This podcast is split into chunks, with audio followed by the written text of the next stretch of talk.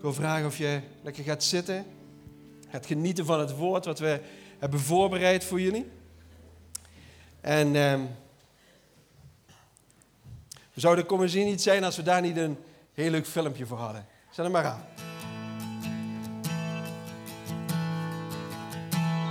Wat verwacht ik van het vaderschap? Ja, ik verwacht echt uh, een bijzondere tijd. We hadden ook een spannende tijd. Ja, ik merk nu al dat, dat het mij heel erg raakt. Toen, ik, uh, toen we op zes weken had ik de eerste echo. En daar merkte ik gewoon heel erg dat, dat, dat het in mijn hart gemaakt werd, geschreven werd eigenlijk. Want ik was pas bij een uh, huisarts, was ik op bezoek. En die zei, als je een kind krijgt, is het net of je in je hart een soort vakje krijgt met de naam erop.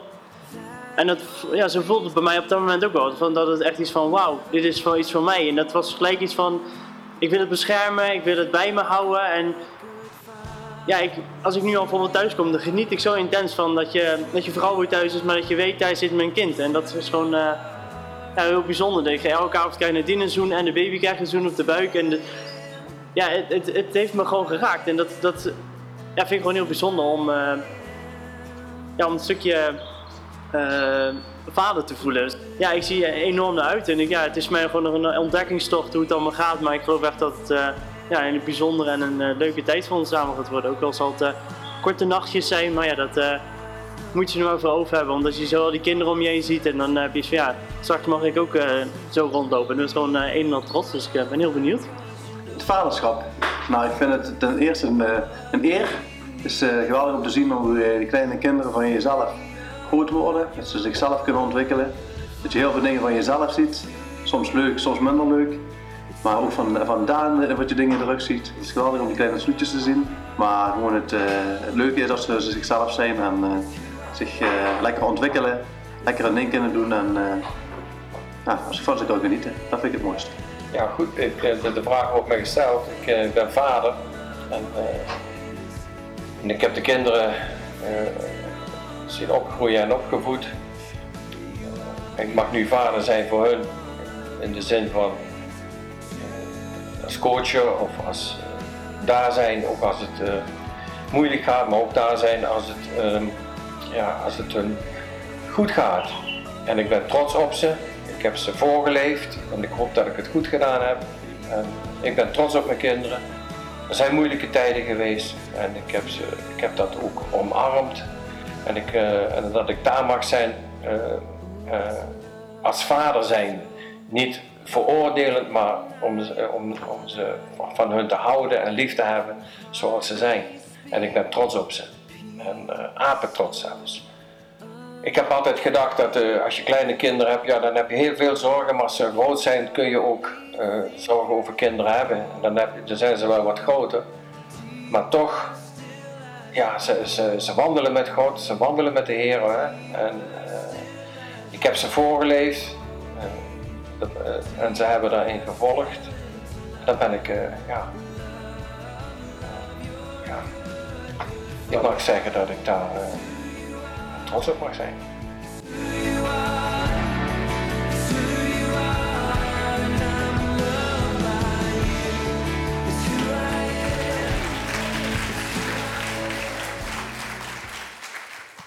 Drie vaders in drie verschillende fases van het vaderschap. Het leukste vind ik, uh, Ralf die straalt helemaal, die stuitert helemaal. Martijn die zit nog een beetje te beseffen, ja, waar, waar, ben ik nu eigenlijk allemaal mee bezig? Die kinderen hebben misschien net aan zijn, aan zijn jas gehangen. En um, het bijzondere van Rijn is natuurlijk dat, die, uh, dat zijn kinderen alweer kinderen hebben gekregen. En dat er dan een hele andere fase van het vaderschap aanbreekt. En ik denk dat het heel goed is dat we dit soort diensten doen als gemeente. En we vinden het ook heel belangrijk dat we dat als echtparen mogen doen. Jacob, Jan en Loes hebben dat gedaan voor Moederdag en wij doen dat voor Vaderdag. Dat het zo belangrijk is om, om die sfeer, die atmosfeer ook neer te zetten in de kerk. Dat je een gezin bent met elkaar. En dat is een beeld van, van de gemeente, is een beeld van hoe dat God naar zijn kinderen kijkt. En hoe dat hij met ons op weg gaat. En... Uh, ik vond het altijd wel leuk als je dan met zo'n preek bezig bent om zo eens wat ditjes en datjes op te zoeken over dat vaderschap. En zelf ben ik ook vader van drie kinderen. Het zijn natuurlijk de mooiste kinderen van de wereld. En, uh, maar de vader heeft echt een hele belangrijke functie in het, in het gezin. En kan, mag een hele belangrijke functie in het gezin vervullen. Hij is een soort kompas. Hij is een soort richtsnoer. Hij is een soort, ja, degene die de, die de lijnen, zal ik maar uitzeggen, uitzet. En ik kwam wat van die cijfers tegen over vaderschap. En daar schrok ik wel een beetje van. In 1975 hadden ze onderzoek gedaan van uh, hoeveel tijd besteden vaders nu aan hun kinderen per dag? Wie durft er uh, zo eens wat uren of minuten aan te besteden? Ik ben geboren in 1976 en daar zit mijn vader. Dan weet u ongeveer. 20 minuten, zegt hij. Oei, oei, oei, oei, oei. Heeft iemand een, uh, een ander voorstel? Wat zou je zo denken? Een kwartier, zo. Anderhalf uur, ik hoor van alles. Volgens dat onderzoek bleek dat vaders in 1975 tussen de drie en de acht minuten per dag besteden aan hun kinderen. Het is een wonder dat ik het er zo goed vanaf heb gebracht.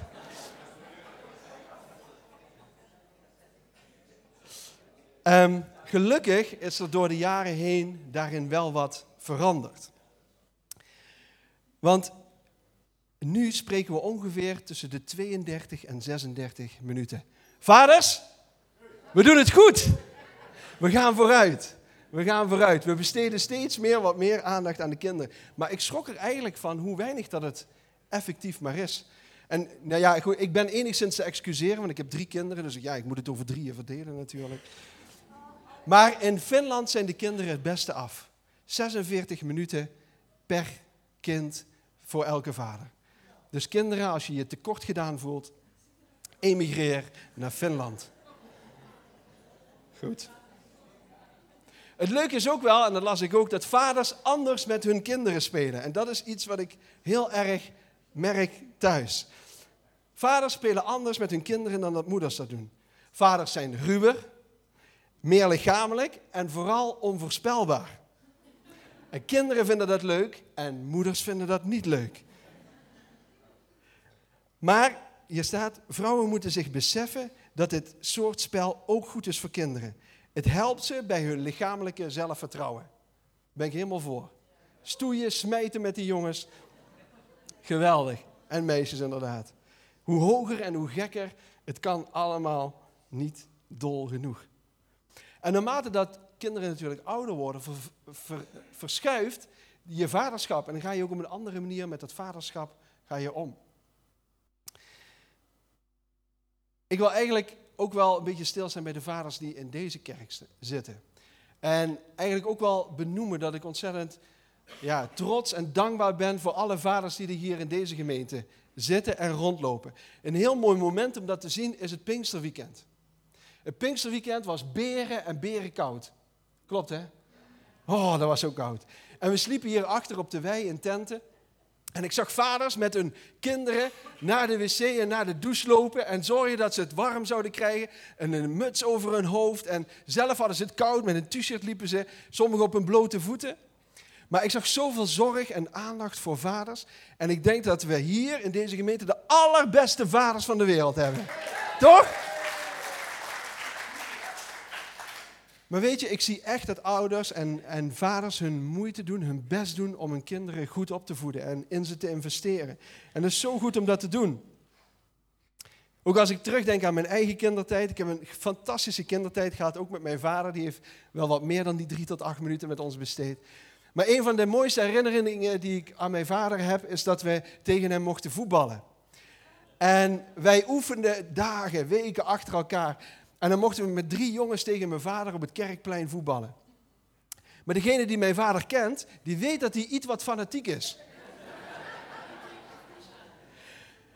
En kinderen die in de leeftijd van 7, 8, 9, 10 jaar zijn, die hebben succeservaringen nodig. Zodat ze zelfvertrouwen krijgen. Dat ze leren om te winnen, dat ze leren om uit te stappen, dat ze leren om goed over zichzelf na te denken. Maar dan moet je niet voetballen tegen mijn vader. Bam! Bam! En als we dan doorgebroken waren, doorgebroken spelen, dan pakte hij ons gewoon op, zo van achter, en dan pakte hij de bal af. Dat is die man daar.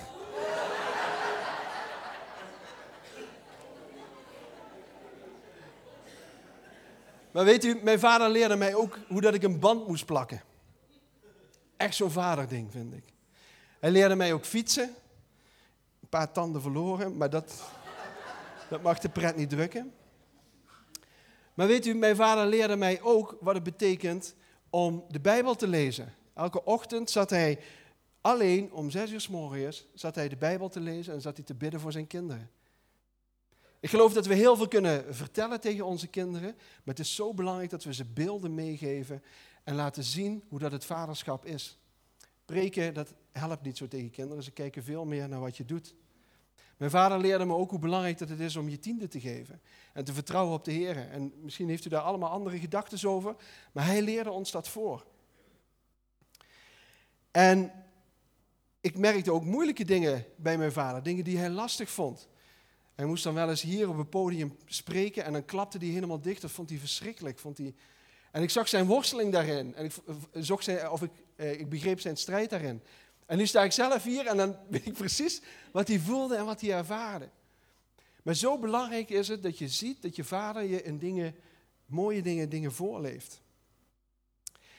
En ik denk dat dat zo ontzettend mooi is om dat te doen. En Martijn omschreef het heel goed in het filmpje. Eigenlijk is het een eer om een vader te mogen zijn.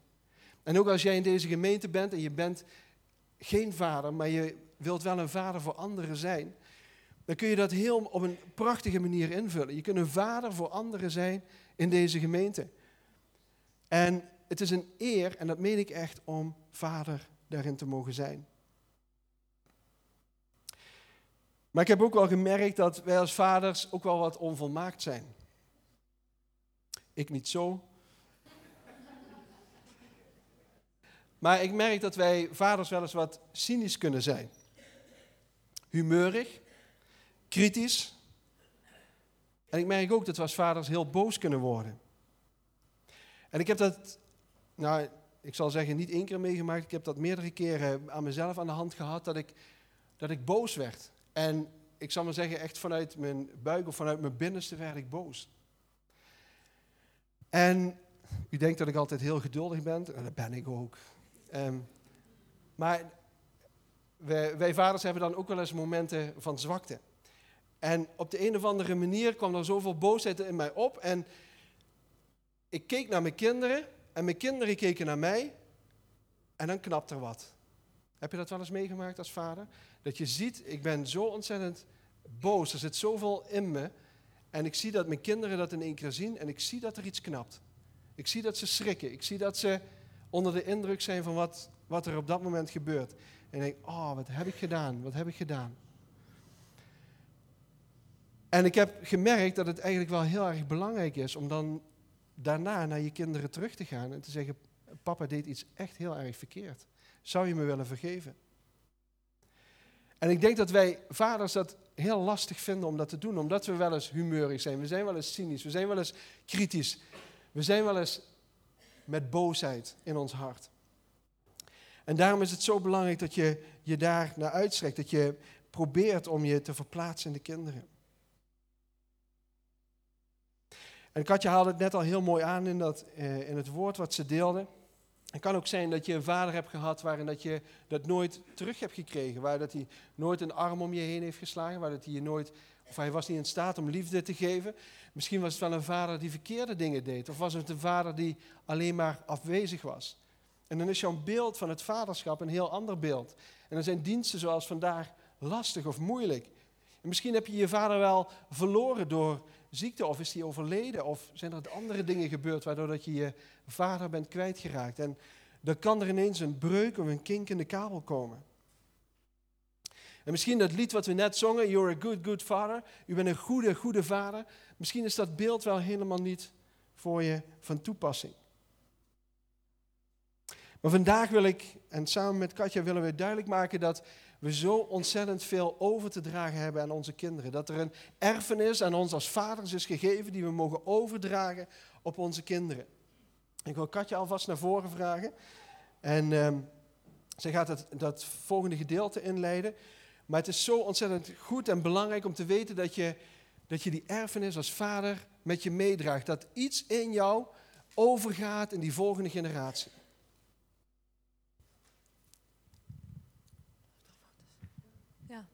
Vertalen? Nee, is goed. Hallo allemaal. En eh, daar ben ik weer. Ah, ja, ik moet even zelf op adem komen. We waren bezig met deze thema en, en eh, ja, eh, ik heb er eigenlijk ook echt bij stilgestaan door in ons eigen gezin te kijken. En, en ik ben ook een beetje op Facebook gaan kijken van, van, van hoe kan ik dat eigenlijk een beetje duidelijk maken wat ik over wil brengen. Dit. Foto's. Ja. Dus ik heb hier en daar wat foto's gepikt van jullie, sorry daarvoor. Maar eh, ik vond het heel erg mooi om te laten zien hoeveel dat wij eh, als kinderen lijken op ons vader.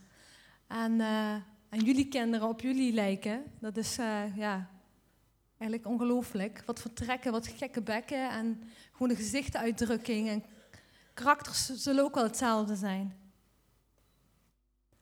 Maar deze vond ik het leukste. ik vraag me soms af van, eh, hoe kan het dat, dat mijn zoon zoveel, of mijn dochter zoveel lijkt op Bart? Ik weet niet of het altijd goed is, want eh, je ziet soms dat ze ook echt, als, eh, als we vakantie zijn, die gekke foto's heel vaak voorkomen.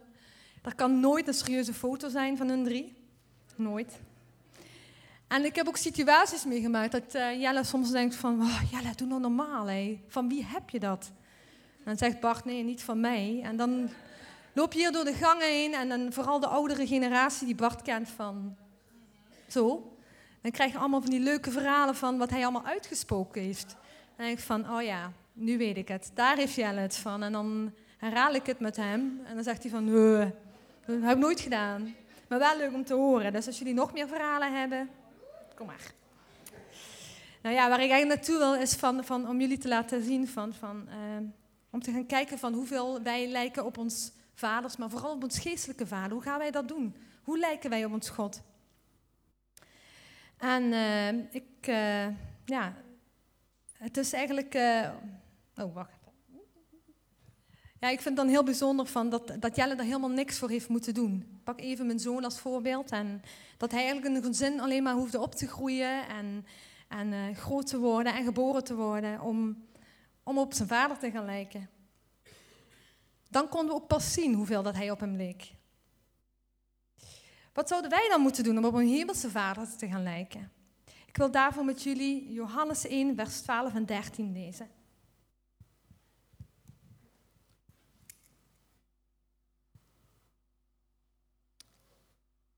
Ik vind het een heel bijzondere tekst, want het spreekt heel erg op de band tussen God en ons. Wie hem wel ontving en in zijn naam geloven, heeft hij het voorrecht gegeven om kinderen van God te worden. Ze zijn niet op een natuurlijke wijze geboren en niet uit een lichamelijke verlangen of uit de wil van een man, maar uit God. Uit deze tekst kunnen we het volgende lezen. Deze tekst spreekt eerst vooral over van dat God onze vader is. Hij is de vader van u en van mij. Hij is de vader, vooral de vader van de Heer Jezus. God zond Jezus zodat wij Hem leerden kennen. Ik kan het ook bij jullie doen. Als jullie Bart beter willen leren kennen, mogen jullie een weekje Jelle hebben van mij. Dan weten jullie wat, wat jullie meemaken. Dus dat vind ik wel heel... eh, hè? Ja. Het is mooi om te zien dat God echt zijn enige geboren zoon heeft gegeven, zodat we door je eigenlijk Jezus leren kennen en zodat we dan God mogen kennen.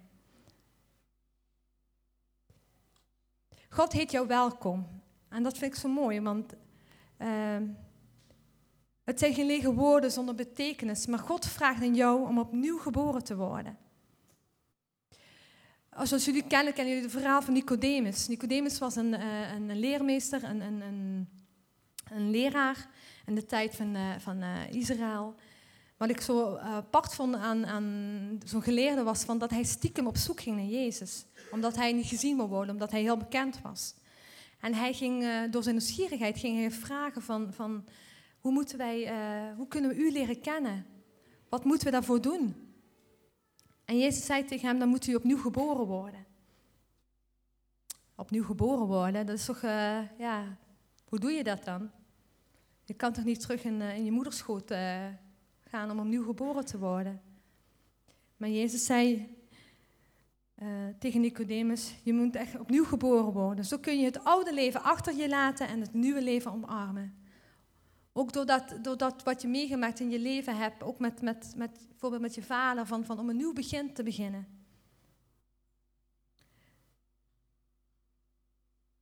Ook op het moment dat jij die keuze hebt gemaakt om opnieuw geboren te worden, heb je ook een geestelijke verandering in je leven meegemaakt. Je werd opnieuw geestelijk geboren. Je oude leven werd vervangen door het grote leven van God. Je krijgt een DNA, de DNA van vader. Zoals Jelle de DNA van Bart kreeg, doordat hij in mijn buik ook groeide en, en, uh, ja, en tot leven kwam. Zo, kon je, zo kun je ook goed zien van wie hij is. Zo, zo wil Heere God ook dat wij worden, dat wij zijn DNA overnemen. Van, door Jezus te leren wat Jezus gedaan heeft, dat wij het kunnen overnemen en, en zijn voorbeeld nadoen. En zodat we naar God toe kunnen gaan om hem beter te leren kennen. Ik vond zo mooi in de Italiaanse Bijbel stond geschreven van uh, wat er geboren is uit vlees is vlees en wat er geboren is uit de geest is geest. Het verschil, het tussen het natuurlijke en geestelijke leven is van dat het natuurlijke, uh, het natuurlijke spreekt over een tijdelijke leven. Het, tijd, het leven die je nu hebt, het leven wat je nu meemaakt. Maar het geestelijke is voor eeuwig. En dat kun je allemaal zien in wat je doet, wat je zegt, wie je bent. Nadat je de DNA hebt gekregen, vind je, vindt er nog iets mooiers plaats. Je komt in een gezin, dit gezin, het gezin van de Heere God. En dat zegt uh, Johannes 1, vers 12 en 13. U en ik en wij worden allemaal deel van een gezin. God verlangt naar een grote familie. Jij mag er deel uitmaken. Dus de ABC, de 1, 2, 3, voor Gods doel met, met het komst van Jezus was van dat, uh, ja, dat u hem eerst aanneemt en Jezus echt toelaat in je leven. En dan zijn, in zijn naam gaat geloven. Al je vertrouwen in hem legt. En deel wordt van zijn gezin. Kinderen van God. Weet je, dat is ontzettend mooi dat je mag weten dat je deel uitmaakt van een gezin. Want als mensen willen wij eigenlijk heel graag ergens bij horen. Het is bij een club, het is bij een vereniging, het is bij je vrienden of het is in je gezin. En in je geestelijke gezin, waar je geboren mag worden, daar is ook de plek waar dat je thuis komt. Waar dat je die geestelijke vader mag ontmoeten en leren kennen.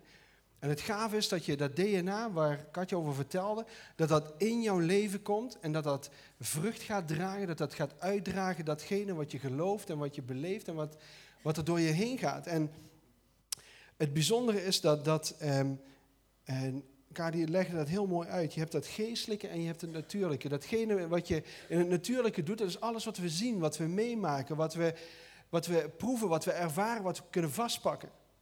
Maar op het moment dat je geestelijk tot geboorte komt, dus dat je Jezus aanneemt in jouw leven, dan gebeurt er iets totaal anders. Want alles wat je dan gaat doen, krijgt eeuwigheidswaarde. Dat betekent dat je gaat investeren niet in het hier en nu alleen, maar je investeert in de eeuwigheid. Ik, kwam, ik was met die cijfers bezig en ik, ik dacht van hoe bepalend is het dat wat vaders doen in de opvoeding van hun kinderen als het gaat om geloofsopvoeding. En daar stond 17 als eh, de vrouw in het gezin als eerste tot bekering komt. Um, en als daar verder dan niks mee gebeurt, hè, de man komt dan niet tot bekering, dan zijn er 17% van de kinderen die komen daarna ook tot bekering. Dat is een prachtig aantal. Maar het gave is dat op het moment dat een man tot bekering komt, dat 93% van de kinderen ook een leven met de Heer gaan leiden. Ziet u hoe bepalend dat het is dat u als vader, als opa, een rol vervult in het leven van uw kinderen en van uw kleinkinderen? Ik heb eh, twee van de meest krachtige symbolen eh, opgezocht en die wil ik jullie even laten zien. Daar staat hij. En deze twee symbolen zijn ontzettend duidelijk. Ze geven aan wat we geloven, waar dat we voor staan. En het spreekt over de eeuwigheid en het spreekt tegelijkertijd over het tijdelijke. Het kruis is het symbool van de Heer Jezus die voor onze zonde aan het kruis stierf. Die alles op zich nam en de weg baande voor jou om tot die hemelse Vader te komen. Want dat is het allerliefste wat de Heer verlangt. Dat is het allerliefste wat wij ook verlangen. Dat we dicht bij Hem zullen zijn. En het middel waarmee dat hij dat deed, dat deed, niet, deed hij niet omdat hij dacht van ja, dat is een goed idee. Of hij deed dat niet omdat hij dacht van ja, um, die kinderen die zijn ook wel eens lief. Maar hij deed dat vanuit de drijfveer van liefde. Zijn drijfveer was liefde om zijn zoon naar de aarde te sturen en te sterven aan het kruis. En dat is zo'n ontzettend andere gedachte. En als we dat nu leggen op ons eigen vaderschap, dan geloof ik dat wij deze twee beide dingen mogen doorgeven aan onze kinderen en aan onze kleinkinderen. We mogen vertellen over de Heer Jezus. We mogen vertellen hoe anders dat het is om in Hem te geloven en Hem na te volgen. Ook al heb je zelf nooit een christelijke opvoeding gehad, toch kun je ervoor kiezen om elke keer weer opnieuw voor te leven, te laten zien, te vertellen over wie Jezus voor je is. Een hele praktische tip is dat je je kinderen zegent als ze in bed liggen. Zijn er vaders die dat doen hier? En misschien, niet elke, misschien doe je dat niet elke avond. Maar ik wil elke avond even naar ze toe, even mijn handen op hun hoofd leggen. En soms liggen ze al in bed. En soms mag ik ze zelf in bed leggen. En ik vind het mijn verantwoordelijkheid als vader dat ik hun zegen en dat de bedekking van de Heer op hun leven is. En ik wil een klein voorbeeldje vertellen van mijn eigen zoon, wat, wat hij meemaakt. Hij kinderen zijn wel eens bang.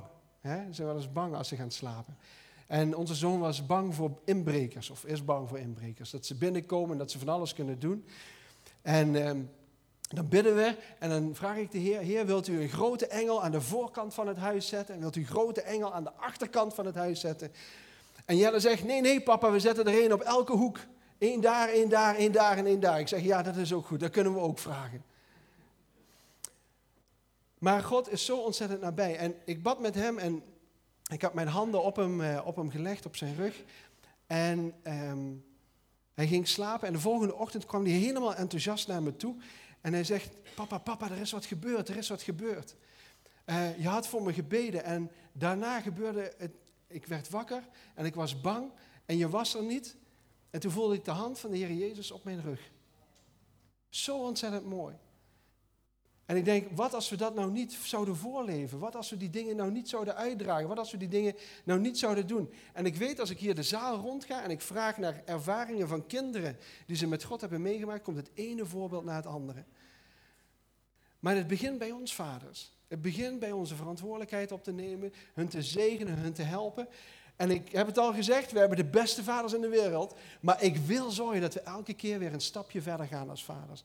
En dat we daarin kunnen groeien en dat we daarin kunnen verder komen. En, um, en daarom denk ik dat het zo ontzettend belangrijk is dat we dit terug horen. Dat we deze twee symbolen, liefde en geloof, dat die samen met elkaar hand in hand gaan. Het was Gods drijfveer om jou, om u bij hem te krijgen. En dat deed hij vanuit liefde. Hij liet zijn zoon daarvoor sterven. Ik wil vragen of de band naar voren komt.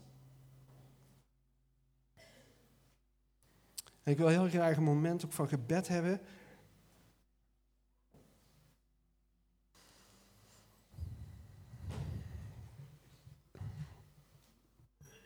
Misschien kun je die tekst nog eventjes uh, uh, laten zien, Tim. Die tekst spreekt namelijk over een verlangen. En als aankomend vader, en dat zag je zo mooi wat, wat Ralf vertelde. als aankomend vader, dan heb je het verlangen dat je een kind krijgt en dat het kind aan je wordt toevertrouwd. Maar deze tekst gaat nog verder dan het natuurlijke verlangen, dan het verlangen van een gewone vader die verlangt naar zijn kinderen om zijn kinderen te zien. Of zoals de vader die op de uitkijk staat en wacht tot zijn kind komt. Maar hier spreekt het over de hemelse vader. En die hemelse vader, die, uh, die spreekt ook over een verlangen. Hij zegt hier, ik wil wel dat dat kind naar mij toe komt, maar het is mijn diepste verlangen dat jij naar mij toe komt. Dat jij dicht bij mij bent. Dat je een relatie met mij krijgt. En dan laat ik je niet alleen. Nee, ik vang je op in een gezin waar dat je welkom bent. Waar dat je geaccepteerd bent. Wat je achtergrond ook is. Wat jouw beweegredenen ook zijn. Wat jouw richting ook is in het leven, ik wil jou bij mij hebben. Ik wil jou dicht nabij hebben. En dat komt voor niet zomaar uit een verlangen van een mens, zoals hier staat.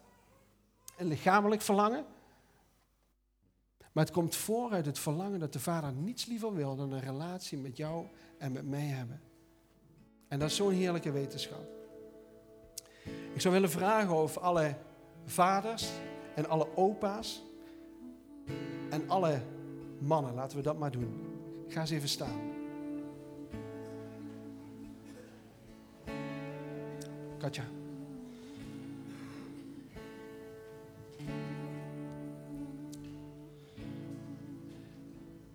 Ik denk dat het vaderschap soms een, zwaar, een zware taak is, een zware verantwoordelijkheid is. En dat er veel op je afkomt. Dat je besluiten moet nemen die je niet altijd begrijpt. En dat je misschien soms wel met besluiten van jouw kinderen geconfronteerd wordt waar je ook niks van begrijpt. En toch roept de Vader ons op om een vader voor onze kinderen te zijn.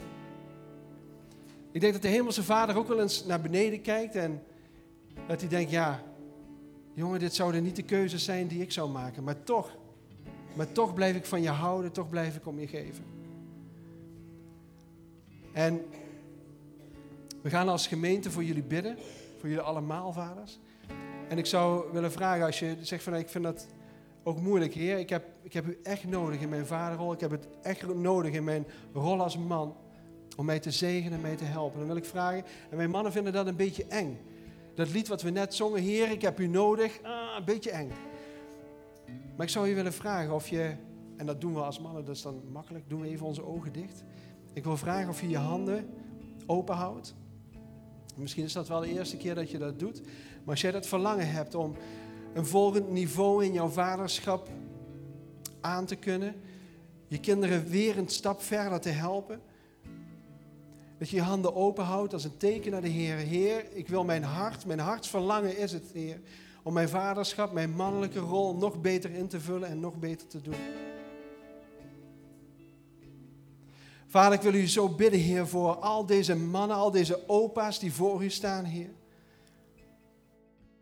Vader, het is een taak, het is een verantwoordelijkheid, het is een eer dat we dit mogen doen. Vader, het is een zegen dat we kinderen mogen krijgen. Vader, ik wil u danken, Heer, voor alle vaders in deze gemeente. Heer, die voorgaan, die helpen om hun gezin te stichten en sterker te maken. Heer, en ik weet dat het soms met vallen en opstaan gaat. Heer, ik weet dat we soms te boos zijn, te kritisch zijn, te negatief zijn. Heer, maar wilt u ons vergeven? Heer, wilt u ons helpen om goede vaders te zijn? Heer, om datgene te doen wat u van ons verlangt. Vader, en het allermooiste is dat als wij met onze eigen imperfectie geconfronteerd worden, als we zien dat we zelf dat niet aankunnen, dan mogen we kijken naar de volmaakte, de perfecte Vader, waar onze hulp vandaan komt, waar onze kracht vandaan komt, waar onze troost vandaan komt. Heer, en ik wil u daarom bidden voor al deze mannen, al deze opa's, al deze vaders, Heer. Heer, dat u ze begiftigt, dat u ze helpt om betere vaders te worden. Zodat ze een zegen zijn, niet alleen voor hun gezin, maar ver, ver daarbuiten. Dat ze verschil en een impact mogen maken in de levens die gebouwd worden, die versterkt worden. Heer, en ook in deze gemeente. Heer, dat ze versterkt mogen worden. Heer, dat bidden we in uw wonderbare naam. Amen. Amen. Laten we allemaal gaan staan. Laten we dat heerlijke lied nog een keer zingen.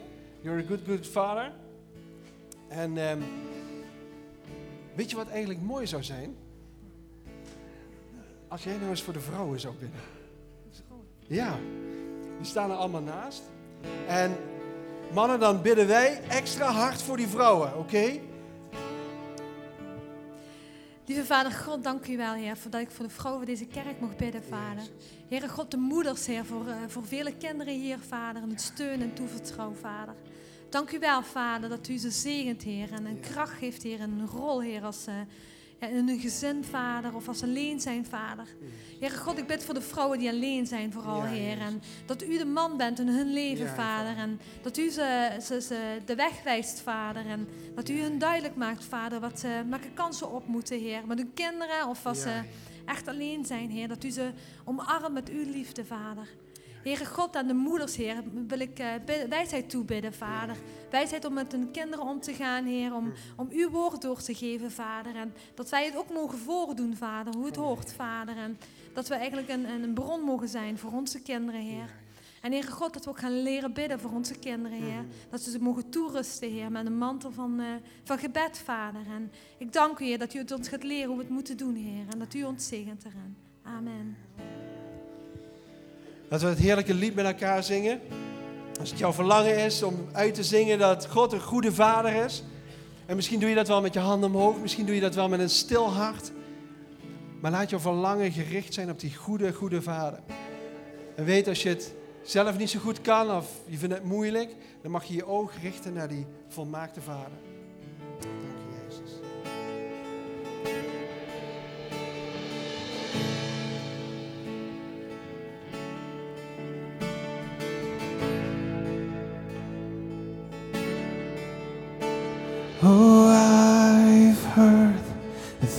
Thousand stories of what they think you're like, but I've heard that then the whisper of love in dead of night you tell me that you're pleased and that I'm never alone.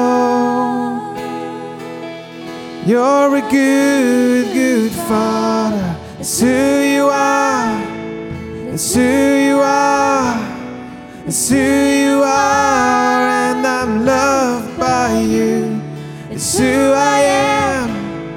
It's who I am. It's who I am.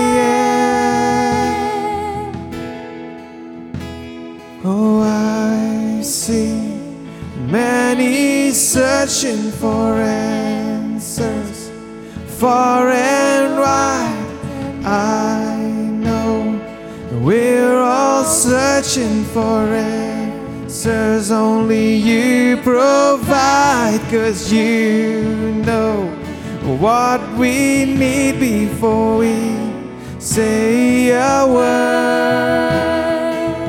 You're a good, good father. It's who you are. It's who you are. It's who you are. And I'm loved by you. It's who I am.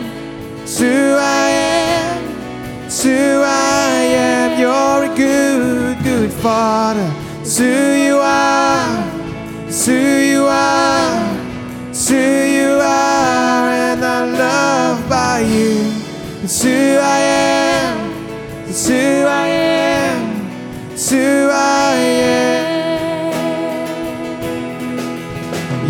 Are perfect in all of your ways. You are perfect in all of your ways. You are perfect in all of your ways to us. Yes, you're perfect. You are perfect in all of your ways. You are perfect in all of your ways. You are perfect in all of your ways to us.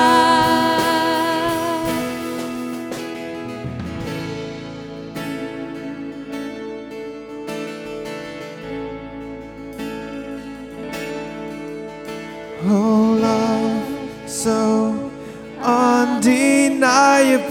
I can hardly speak. Peace so unexplainable. I can hardly think as you call me. Deeper still as you call me. Deeper still as you call me. Deeper still into love, love. As you call, as you call me. Deeper still as you call me. Deeper still as you call me. Deeper still into love, love. You're a good, good father. It's who you are. Who you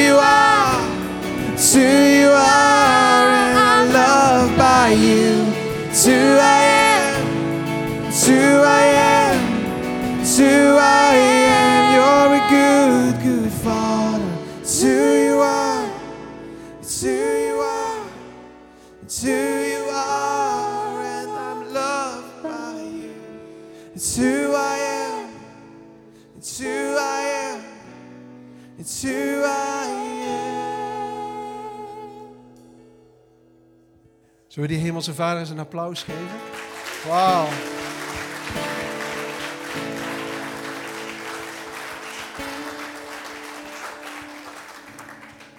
Heerlijk dat we een grote, grote Vader hebben die voor ons zorgt, die ons nabij is, die ons helpt in alles wat we doen en wat we ondernemen. We zijn aan het einde van deze dienst gekomen en we willen alle vaders en alle mannen een heel leuk cadeautje meegeven. Je hebt het misschien al gezien toen je binnenkwam. En ehm, ik weet niet of er iemand bij staat, maar het is, ik vind het super handig. Het moet natuurlijk een beetje mannelijk cadeau zijn. Maar ik wil. ehm Greetje, ben je hier of niet? Greetje Meekels, die heeft ehm, allemaal van die triplex plaatjes lopen branden deze hele week. En we hebben er echt iets heel leuks van gemaakt. En mannen, er is ook wat te eten. En dan bedoel ik geen roze muffins, geen zachte donuts, maar ik bedoel dan broodjes met bokworst. Mannen eten. Mannen eten. En vrouwen? Als er iets over is, dat denk ik niet, dan mogen jullie ook wat. Maar er is koffie, er is fly, er is meer dan genoeg. Maar eh, alle mannen, we hebben wat lekkers voor jullie. En eh, geniet ervan, praat nog lekker na met elkaar, leer elkaar kennen. En als je zegt van nou, ik ben misschien wel geraakt door het woord en ik heb gewoon nog behoefte aan een gesprek of ik wil gewoon nog even hier zijn. Er zijn hier mensen die willen graag met je praten, willen je graag leren kennen. En eh, willen ook graag met je bidden. En als je dat graag wilt, kom gewoon naar voren naar de dienst. Ik zal hem nu afsluiten. En eh, er is altijd tijd voor ruimte, eh, of altijd ruimte voor gesprek en, tijd om eh, met jou door te brengen. Goed, zullen we samen bidden? En dan vragen we God om deze dag verder in zijn handen te nemen. Hemelse Vader, we danken u zo, Heer. Heer Vader, dank u wel dat u heeft besloten in, in wie u bent, Vader, vanuit liefde om uw zoon aan ons te geven. Vader, dat we ja tegen u mogen zeggen, dat we een besluit mogen nemen om u te mogen toebehoren. Vader, dat we niet terughoudend hoeven te zijn, Vader, maar dat we echt recht in uw armen mogen rennen. Heer, en dat we bij u mogen zijn. En dat we als het ware bij u op schoot mogen zijn, Heer. En dat we mogen weten dat we geliefd zijn door de Vader. Dat we geborgen zijn door de Vader. Maar ook dat we gerechtvaardigd zijn door de Vader. Vader, dank u wel, Heer, dat u in deze dienst bent en aanwezig was, Heer. Heer, maar ik wil u ook bidden, Heer, als we uit elkaar gaan, dat u met ons meegaat. Dat u ons helpt met deze nieuwe week die voor ons ligt. Heer, help ons om betere vaders te worden. Heer, niet vanuit een verplichting of vanuit een push, Heer, maar gewoon omdat we dat willen, Heer. We willen gelijkvormig worden met uw beeld en gelijkenis. Heer, en help ons daarbij. Vader, ik wil ook, ook bidden, Heer, dat u eh, bij de kinderen bent, Heer, die ook een heerlijke dienst hebben gehad met elkaar. Dat u hen ook nabij zijn en dat we ook vandaag echt een heerlijke vaderdag mogen hebben in ons gezin, in onze familie en in alles wat er gebeurt. De gemeente ontvangt zo de zegen van de Heer. En dat zo de grote liefde van God onze Vader en de genade van onze Heer Jezus Christus en de bijstand van de Heilige Geest met ons zijn en blijven totdat Jezus terugkomt. Amen. Amen. Amen.